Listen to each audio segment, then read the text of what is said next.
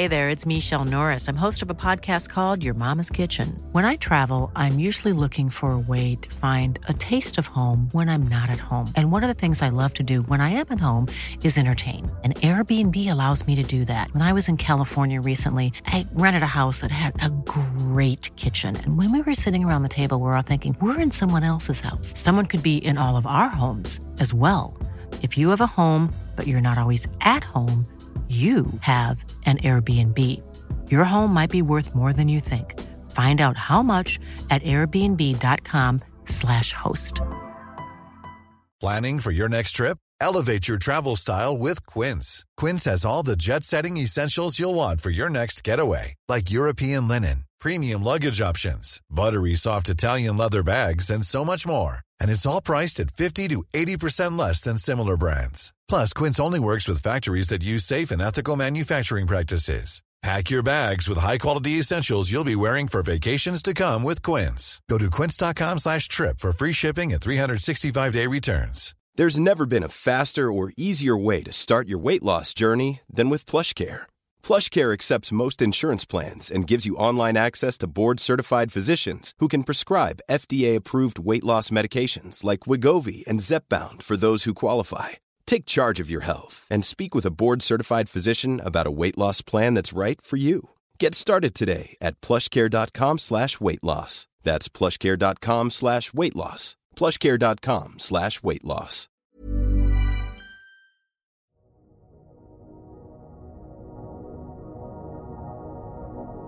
Jag har ju tänkt lite att vi håller på att varva upp lite här med Intergalaktiskt. Vad är det vi har släppt? Det är väl en eh, fem, sex avsnitt totalt nu. Eh, vi harvar på, söker oss fram lite. Kanske börjar sätta en dynamik och en ton för, för att liksom bygga något riktigt stort här. Men eh, det verkar bara vara jag som är liksom kvar i startgroparna i den här duon. Eh, jag fick nämligen ett klipp skickat till mig i förra veckan. Nu ska du få höra. Där byter vi ämne. Ja. Förra veckan började en bild NASA tagit på Mars cirkulera på internet. Bilden ser ut att föreställa eh, något som ser ut att vara typ ett litet så gulligt ritat björnansikte. Mm. Men varför i helvete ser det ut så och varför ska man ens fota där uppe? Nu ska vi, vi prata med en annan Bill. Oh, Bill, oh, fy fan vad svagt. Bill Brå, välkommen tillbaka till eftermiddag. I, Peter, du är rymdjournalist. Tack, hej. Hej Bill, hej. Varför ser det här Varför ser det ut som en tecknad björn? Är det ett meddelande från Mars? Har någon skrivit i mitt manus. Underbart. jag, har, jag har två frågor. Självklart. Eh, ett. Eftermiddag i P3 med Hanna Hellqvist och Kristoffer Garplind. Är du redan för stor för vår podd? För det första, så rymdjournalist vet jag inte om det är en riktig arbetstitel, men eh, jag tar den gärna. Uh, och jag tänker mig att vi ska få fler lyssnare här. Även om det kan vara svårt att slå P3 i det. Sen är jag också nyfiken på vad du svarade om björnen i rymden. Nej, men jag svarade väl lite eh, vagt eh, att NASA hade gått ut och sagt att det egentligen bara var olika stenformationer. Det ser ju ut lite som en tecknad björn då, en stor rund ring och sen i mitten två kratrar och någon sorts nosformande kulle eller men, sönderfallen kulle, bergformation som kan vara någon sorts gammal vulkan. Så det verkar ju bara ha varit slumpen som gör att det ser, såg ut precis som en, som en björn. Men det, det är en väldigt härlig bild att kolla på. Ja, den är fantastisk. Har du som lyssnar missat den så finns den att se på nyteknik.se.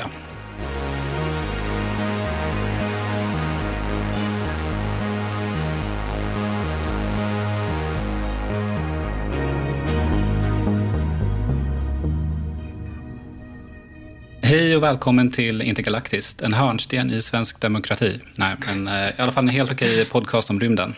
Jag heter Viktor Krylmark och med mig har jag än så länge Bill Borå. Hej! Tjena, tjena! Idag ska vi prata om ett ämne som i alla fall jag tycker är extremt intressant, alltså rymdskrot. Eh, bara en liten, liten detalj är att det har ju faktiskt det perfekta namnet. Jag vet inte om du har tänkt på det? Mm, nej, faktiskt inte. Hur menar du? Nej. Ja, men mina tankar vandrar ju till Skrotnisse. Ja, ah, okej. Okay. Det var inget som har hänt hos dig? Nej, faktiskt inte. Men nu, nu när du säger det så... Alltså, jag vet inte om jag är lite för ung för Skrotnisse eller om jag fick se andra barnprogram. Men jag har, jag, har ju, jag har ju karaktärerna framför mig, men det är liksom, jag tänker mer Mulle Meck och hans ja. samlande av grunkor.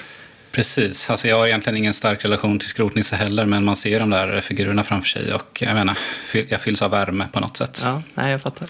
Eh, och i alla fall, eh, när jag började fundera på liksom, vad vi ska snacka om i det här avsnittet så låg då Skrotnisse top of mind. Eh, så jag dök in på seriens Wikipedia-sida. Eh, och där står det så här. Handlingen i serien börjar på en skrotgård och slutar ute i rymden.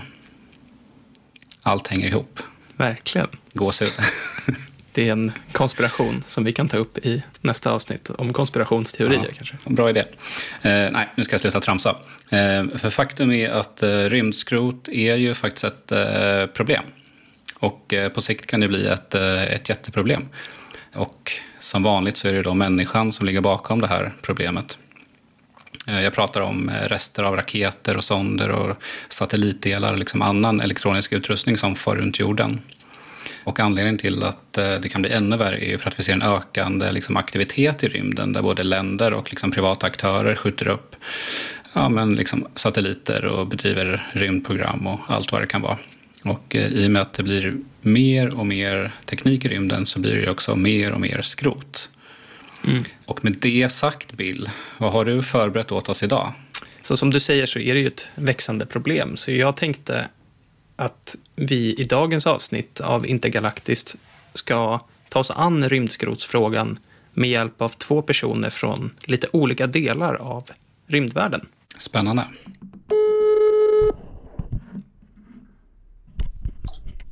Christer?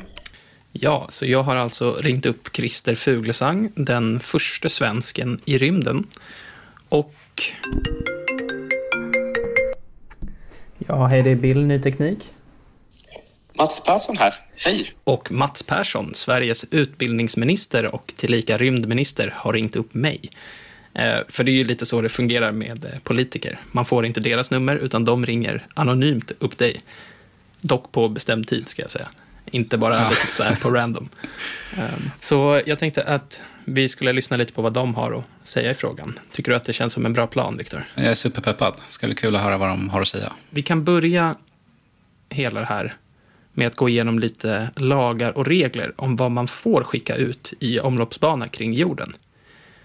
För mer sådana, sa nämligen Christer, hade varit ett sätt att kunna tackla den här rymdskrotsfrågan. Ett sätt till att börja med det är ju att komma överens om eh, bättre regler. Mm. Det finns egentligen inga riktiga regler. Det finns ja, lite gentlemen's agreement och sådär har man sagt att skickar man upp någonting måste den komma ner inom 25 år efter den slutat fungera eller användas. Men det är alldeles för lång tid då. då.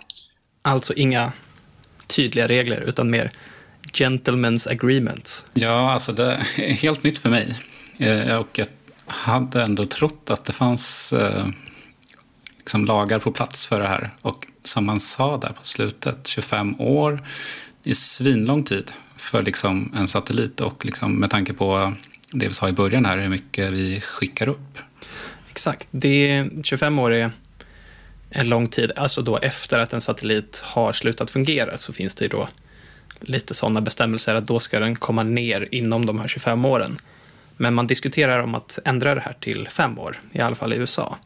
Ehm, men vi får ett litet förtydligande av Christer vad de olika aktörerna faktiskt förhåller sig till i nästa ljudklipp. Så, så länge man inte stör någon annan så, så, så eh, ja, det är väl lite så som principen. Du kan skicka upp vad du vill så länge du inte stör någon annan. Och det, du får inte störa dem elektromagnetiskt. Det är egentligen det som kollas mest på. Eh, det, det är att man får frekvensen, att kunna använda den så det inte stör någon annan frekvensmässigt. Och sen klart, det får inte komma och krocka in i någon annan. Ja, inga tydliga lagar, regler, bara inte störa någon annan. Det säkerställer man ju säkert på något sätt, men hur kan man ens säkerställa att man inte stör någon annan? ja, nej, men det handlar väl lite om hur man då, om man har satelliter som pratar med varandra, hur man riktar olika sändare, mottagare. Eh, men i och med liksom den växande aktiviteten så blir det ju också kanske svårare att se till att folk inte stör varandra med flit. Det finns ju olika säkerhetsaspekter i rymden som är viktiga att tänka på. Så ja, av, saknaden av sådana här regler och avtal möjliggör ju också för väldigt många aktörer att störa andra med flit eller att de råkar störa andra. Så det där är ju, är ju något man behöver ta tag i. Men vi kan ju lyssna lite på vad eh, Mats Persson och politikerna säger om ja, men, eventuella rymdkrockar på grund av den ökande aktiviteten. Jag delar den synen att vi behöver göra mer för att reglera eh, exempelvis eh, rymd, rymdskrot och annat. Eh, och vi vill liksom hitta bättre sätt att kunna samsas om rymden. Rymden är ju per, per, per definition en, en, eh, en nyttighet som ja, alla kan ta del av. Eh, men, men, och just därför är det viktigt att reglera det så att, man, så att vi, vi inte får en eh, liksom, orimligt stor mängd rymdskrot. Så det finns ju liksom en förståelse även bland politiker här att man behöver göra någonting. Även om jag inte kanske helt håller med Mats, det är ju en, rymden är ju liksom tillgänglig för alla, men alla har ju inte heller kapaciteten att skjuta upp. Det är ju många av de rikare länderna som håller på med det här och ja, men Europa, USA, Kina, Indien, Japan.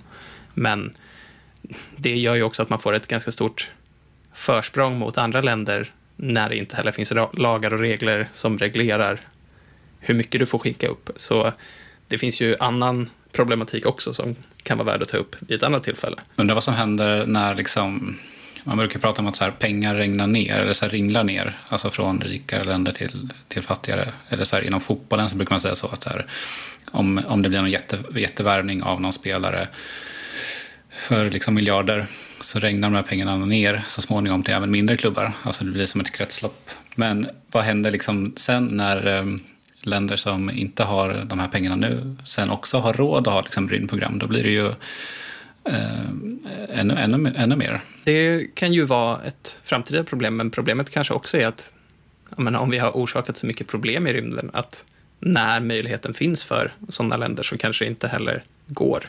Um, men det kommer vi komma till lite längre fram, hur man kan hantera situationen med rymdskrot och sådär. Um, mm.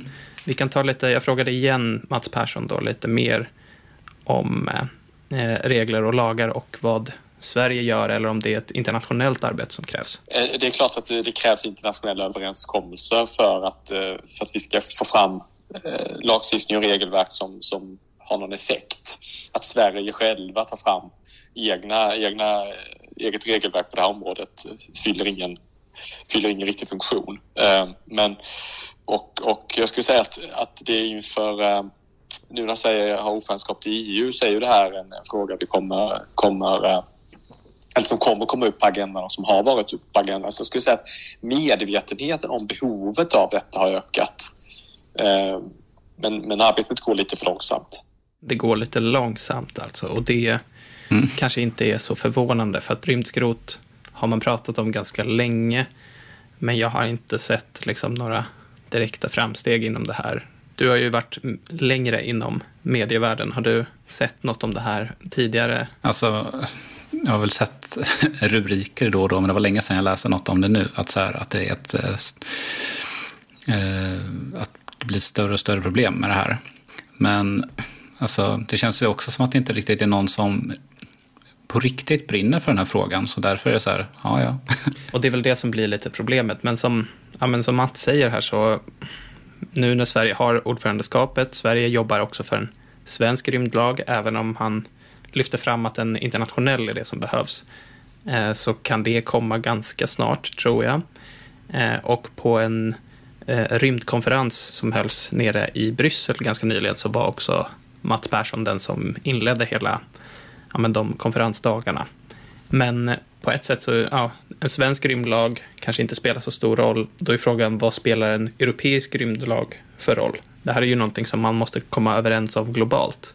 Och Mats Persson mm. kommenterade också det globala perspektivet lite.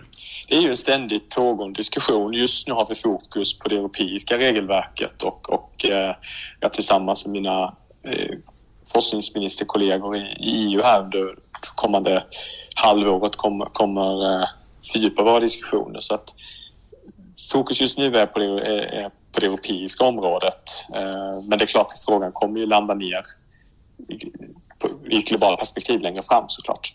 Ja, så EU-fokus just nu, men förhoppningsvis mer fokus på globala regler längre fram.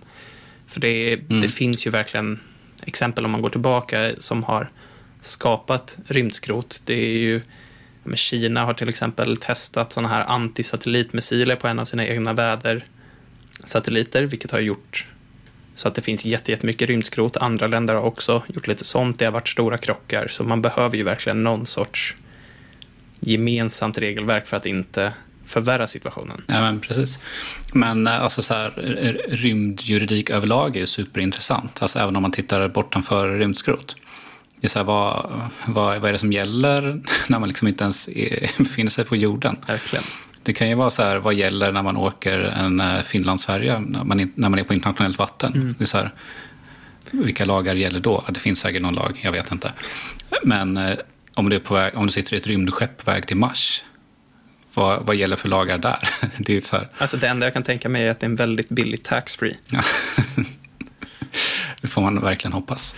Det är en stor fråga och den blir ju allt mer aktuell för ja, men, privata aktörer tar ju väldigt stor plats. Många länder har ju utökade rymdprogram och ja, innan man har gjort för mycket så måste man väl kanske komma överens om vad man faktiskt får göra och inte får göra.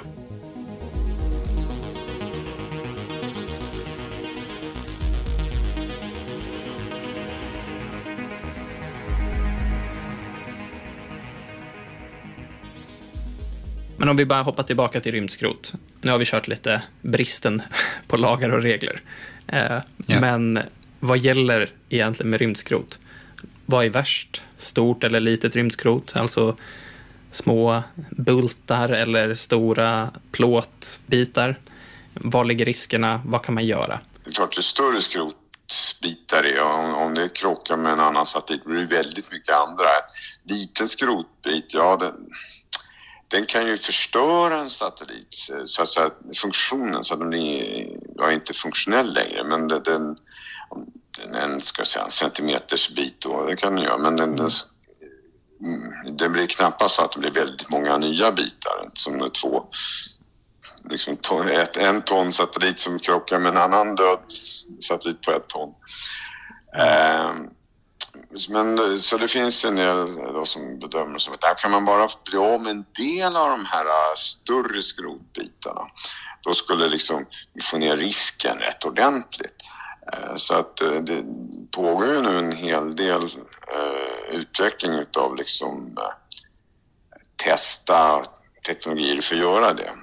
ESA har ju ett projekt som heter Clean Space. Så större skrotbitar farligare. det hade man kanske kunnat räkna ut. Men det är ändå det här, större skrotbitar kan man ju också spåra från jorden eh, med olika teleskop och så, medan de mindre kan man inte spåra. Så det, det finns ju en problematik och en skillnad där också. Men eh, Christer nämner ju att det i alla fall pågår teknikutveckling i det här området. Så har du några gissningar på vilka tekniker man tar fram för att försöka få ner rymdskrotet eller få bort det? Ja, eller jag har, det är egentligen en gissning. Jag vet vad jag har skrivit om det, men det var också länge sedan nu. Men om jag inte minns helt fel så var det typ en harpun eller någonting. Eh, är, det, är det det vi, du fiskar efter? Men det, det finns liksom eh, det ena som låter lite löjligare än det andra på något sätt. Harpuner finns mm. eh, som mejlarförslag. Det finns stora fiskenät. Eh, och så finns det också då tanken att kunna skjuta ut saker bort från jorden med hjälp av starka lasrar. Eh, mm. Så det finns lite olika saker. Och ja, men, näten och harpunerna, det påminner väl mer om faktiskt fiske. Så då kan man ju tänka sig rymdskrotet som någon sorts stim av, av plåtbitar och liksom antenner från söndersnagla satelliter som man bara ska åka och tråla upp. Ja, precis. Men det är väl typ det det är också? Alltså de går väl i en, en bana? Ja, men exakt. Så de, de, de åker ju runt i sina omloppsbanor. Och sen mm. ganska mycket av det, det som ligger lägre, det åker ju också in då i atmosfären till slut och så brinner det upp. Men problemet blir väl med de bitarna som är i en sån bana som gör att de ligger kvar år efter år och riskerar att krocka med andra och då bilda ännu mer bitar och förstöra fungerande teknik. Jag har en idé angående rymdskrot. Jag pratade med en, en kollega till oss igår om rymdskrot. Skulle, inte, skulle man inte kunna, liksom, från och med nu och alla satelliter och allt sånt som skjuts upp, kunna bygga in en liksom, sista reservmotor på något sätt? Som man bara, okej okay, nu, nu är den här satelliten färdig, nu släcker vi den. Och så trycker man på liksom en eject-knapp. Och så tänds motorn och så skjuts den iväg antingen ut i rymden eller ner så att den brinner upp i atmosfären.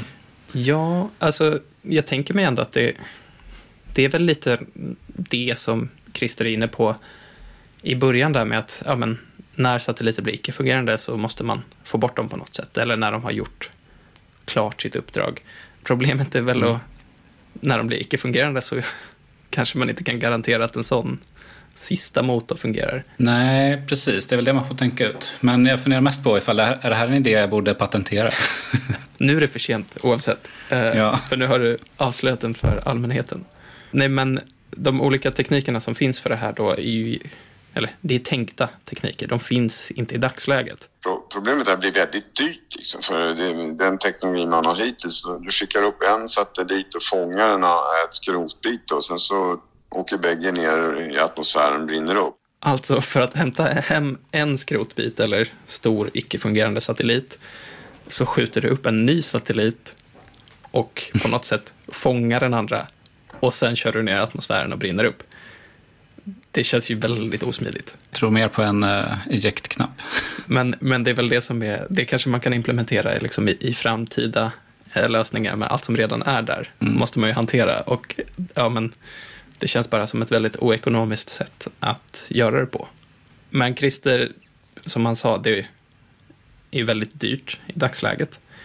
Och därför kan också fler liksom, regler och lagar ändra på det här. Att man på något sätt kan få någon sorts ansvarsutkrävande.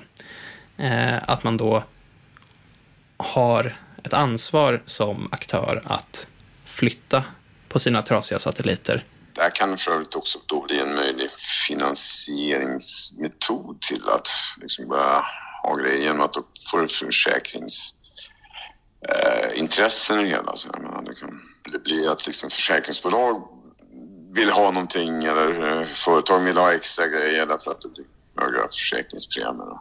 Mm. Det blir, kan bli en marknad där så att säga. Ja, som det ofta är inom sånt här. Om det finns en möjlighet att tjäna pengar så kommer folk kanske lägga lite mer krut på att uppfinna någonting som kan lösa det här.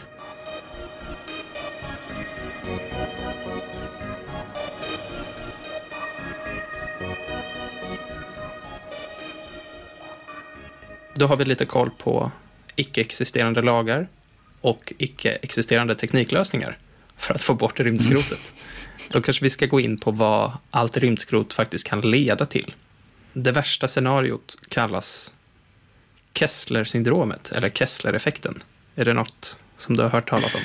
Nej, men hade vi inte någon stjärna som hette något liknande, eller supernova som hette något liknande för något avsnitt sen?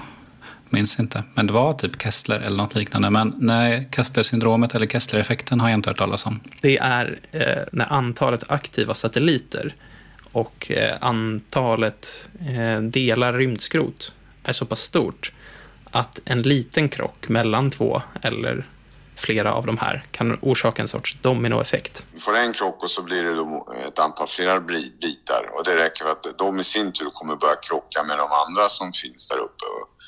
Och, och sen så blir det ännu fler bitar och då kommer det liksom öka risken att ta ännu kortare tid innan de börjar krocka då med de andra satelliterna som är kvar.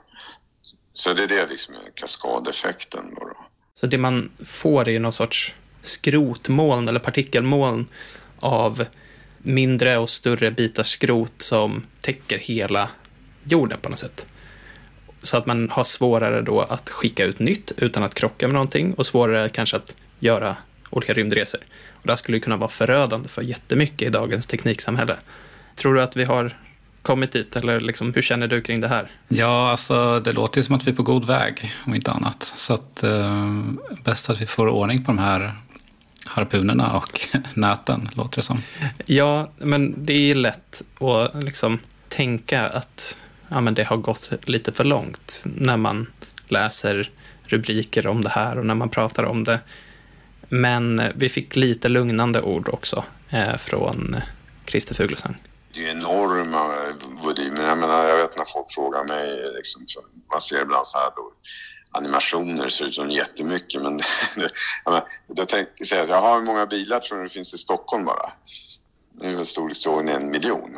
Och det är betydligt mindre yta. Dessutom är det på bara två dimensioner. Uppe i rymden så har det liksom tre dimensioner och hela jordens yta är större än det. Så att eh, det är ju väldigt stort. Samtidigt är det klart att det rör sig väldigt fort. Så att eh, det, och sen så är det vissa då banor som är mer populära än andra. Eh, de är liksom bättre att använda vissa beroende på vad man vill göra som jordobservation och så. Eh, men eh, Nej, alltså jag, jag, jag, jag kan säga...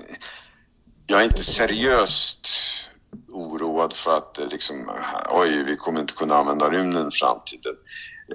Det, det är jag inte, utan det, det är frågan bara att försöka nu hantera det här på bästa sätt så att det blir så lite, alltså blir så lite problem som möjligt. Det är ju ändå ganska lugnande tycker jag. Ja, han lät ju rätt uh, lugn över det där. Men det där visste inte jag. Vad kul att det fanns populärare banor än andra. Det där borde ju typ, alltså om man tänker så här, eh, telekomsatelliter och det, att det sen är på så här ner till mobiloperatörer. De skulle ju typ kunna sälja på det.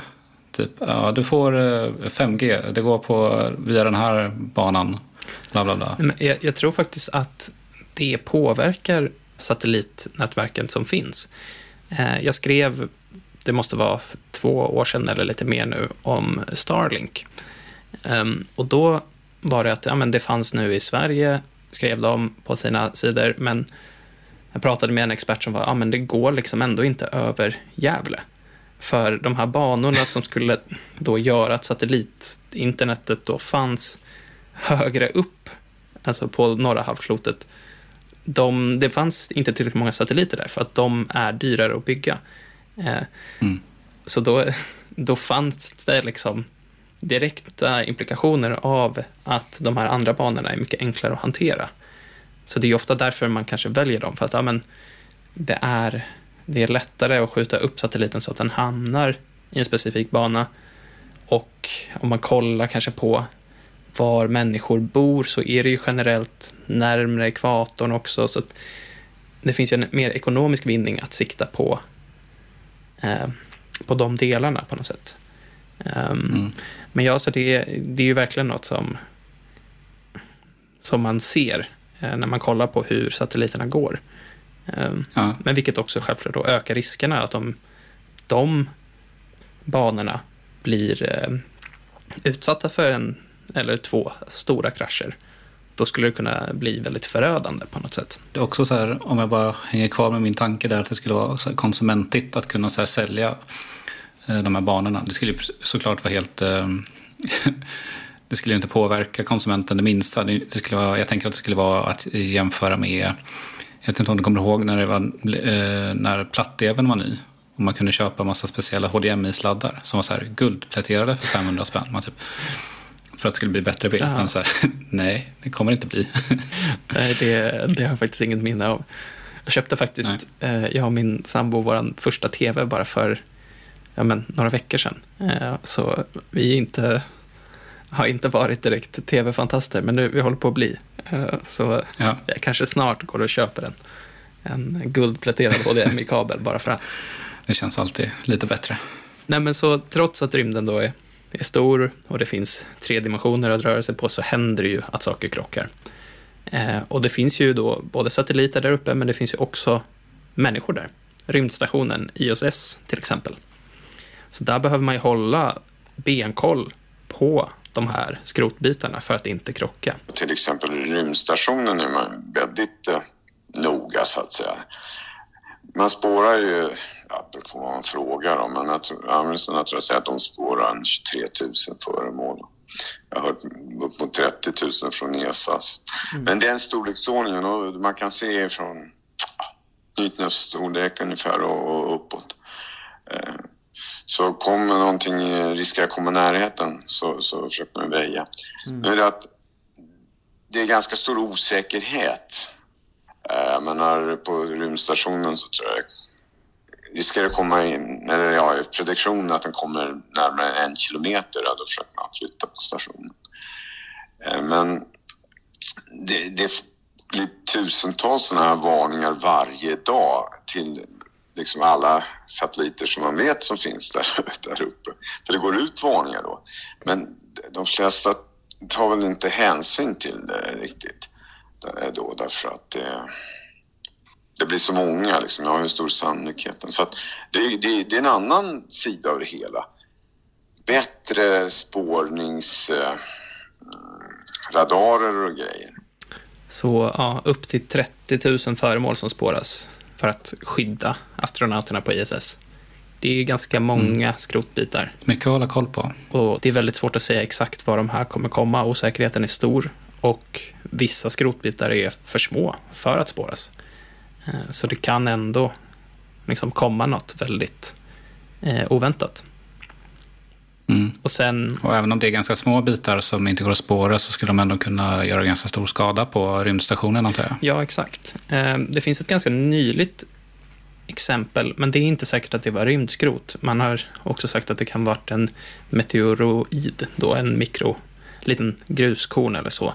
För det, på rymdstationen så var en sån här rysk Sojus-farkost som används för att ta astronauter och kosmonauter upp och ner till rymdstationen. Ehm, den var dockad eller parkerad vid rymdstationen, eller är fortfarande. Och där blev den träffad av en liten stenbit eller något. Vilket har gjort att ehm, de inte kommer använda den utan kommer skicka upp en ersättningsfarkost för att hämta hem två kosmonauter och en astronaut. Och den skulle ju också, man vet ju inte exakt vad det var som träffade den.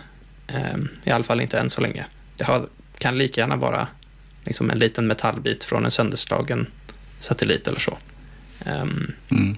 Så det finns ju liksom implikationer som är ja, farliga för människoliv eh, liksom väldigt direkt när man är där uppe. Mm. Sen kommer man ju in lite också på det här med att men ISS kan ju väja, men alla satelliter kan inte det. Många satelliter är väldigt små, bara så här små kubsatelliter och kanske byggda av studenter eller så de har inte den funktionaliteten. Och speciellt då inte den som du nämnde lite tidigare, att ha en liten reservmotor för att skjuta sig in i atmosfären och brinna upp eller skjuta sig ut. Det kan ju också vara någonting som kommer komma med regler och lagar framöver, att alla måste ha möjligheten eller kunna väja för skrotbitar för att inte riskera att skapa mer. Men det får man väl vänta och se lite vad som händer där framöver.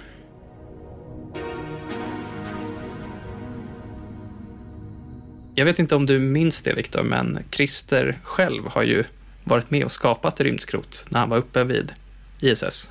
Har du något minne av det? Eh, nej, det har jag missat. Ja, han tappade nämligen en del av ett verktyg på en av sina rymdpromenader. Eh, och sen när han kom hem till jorden igen, så när han var ute på olika studiebesök och höll föredrag, så brukade det bli en kul grej att ge honom en skiftnyckel.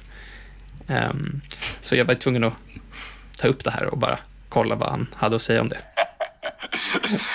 ja, just det, precis. Jag har ju bidragit till rymdskrotsproblematiken lite grann. Så han erkände ändå. Ja, det är starkt. det är bra. Så han, så han har liksom eh, eh Sveriges största lager av skiftnycklar.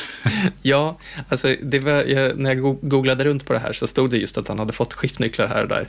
Men det är också lite konstigt för det var inte en skiftnyckel han tappade. Eh, han förklarar lite närmare mm. vad det var han tappade här. Det var en hylsa, hylsnyckel. Hylsa till en, eh, en batteridragen bultdragare faktiskt.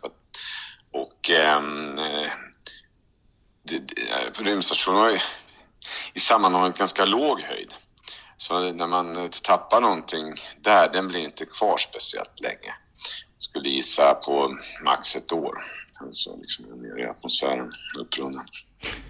Ja, så Kul. det är i alla fall skönt att veta att de faktiskt inte måste använda så skiftnycklar och hammare och spik vid rymdstationen på sina rymdpromenader, utan de har lite mer avancerade verktyg. Ja, men det lät ju också ändå inte jätteavancerat. Det var så här en batteridriven bultdragare ja. och han tappade en hylsa. Ja, men också, också att så här, men varför är inte på något sätt allting fastbundet? Alltså, måste man inte se till så att det är det för att undvika sådana här saker? Ja, det är, det är sant. Men jag vet inte, nu blir jag osäker på vad en hylsa är. Jag tänker mig att det är själva det man sätter liksom på, om det är en bultdragare då, det som ska passa på bulten och sen så ah, fäster okay. man den på, mm. på det, sin skruvdragare och sen ska den då snurra för att mm. fästa bulten. Så då kan man ju för sig inte binda fast hylsan i någonting. Nej. För då hade ju inte den kunnat rotera sen. Nej, precis. Så de kanske har ett ganska bra hylslager där uppe. Har du använt många hylsor i ditt liv? Nej, men jag, jag har ändå en tendens att plocka upp mycket skräp från olika återvinningsrum. Eh, mycket gamla stereoanläggningar och sånt där. Som jag skruvar isär i förhoppningen att laga det och sen går ner och slänger igen. För att jag aldrig lyckas. Eh, så jag, jag har ändå lite sådana olika hyllssätt. Ja. Ska vi sammanfatta lite vad vi har lärt oss eller vad vi har fått höra idag? Mm. För det första, det finns inga tydliga lagar och regler. Men det förs Nej. diskussioner inom Sverige ja. och på EU-nivå. Och vi kan bara hoppas på mer internationella bestämmelser kring det här. Vi håller tummarna. Teknikmässigt finns ingen superbra lösning. Det vi kan göra idag är att köra upp en satellit för att plocka hem en skrotsatellit då, eller en skrotbit. Eh, vi kan hoppas på bättre lösningar som harpuner, nät, lasrar och så vidare. Ja, precis. Och slutligen, Christers tappade hylsa har brunnit upp i atmosfären. Så han kan sova gott om nätterna. Och liksom Sverige som rymdnation kan också sova gott om nätterna. Vi har inte, vi har inte tappat oss så extremt. Nej, exakt. Sen kommer vi ju inom kort, nu när S-Range har möjligheten att skjuta upp satelliter, eh, vara en del i att öka antalet satelliter där uppe. Så en svensk rymdlag hade kanske kunnat se till att vi i alla fall tar vårt ansvar. Precis. Men yes, jag tycker att vi avslutar dagens avsnitt där och eh, säger tack för att ni har lyssnat på Intergalaktiskt och att ni gärna får höra av er om ni har några frågor eller vill att vi ska ta upp något särskilt. Och ni får jättegärna prenumerera i era poddappar. Vi hörs nästa gång. Hej då. Hej då.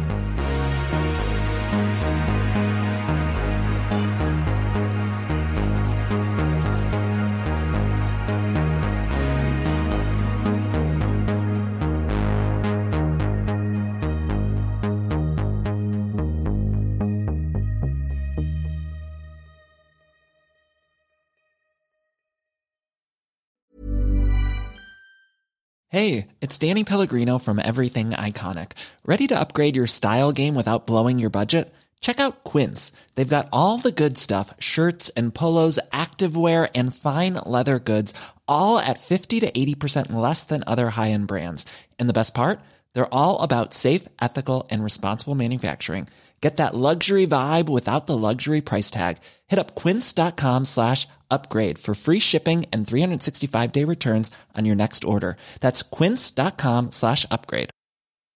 Hi, I'm Daniel, founder of Pretty Litter. Cats and cat owners deserve better than any old fashioned litter. That's why I teamed up with scientists and veterinarians to create Pretty Litter. Its innovative crystal formula has superior odor control and weighs up to 80% less than clay litter. Pretty Litter even monitors health by changing colors to help detect early signs of potential illness. It's the world's smartest kitty litter. Go to prettylitter.com and use code ACAST for 20% off your first order and a free cat toy. Terms and conditions apply. See site for details.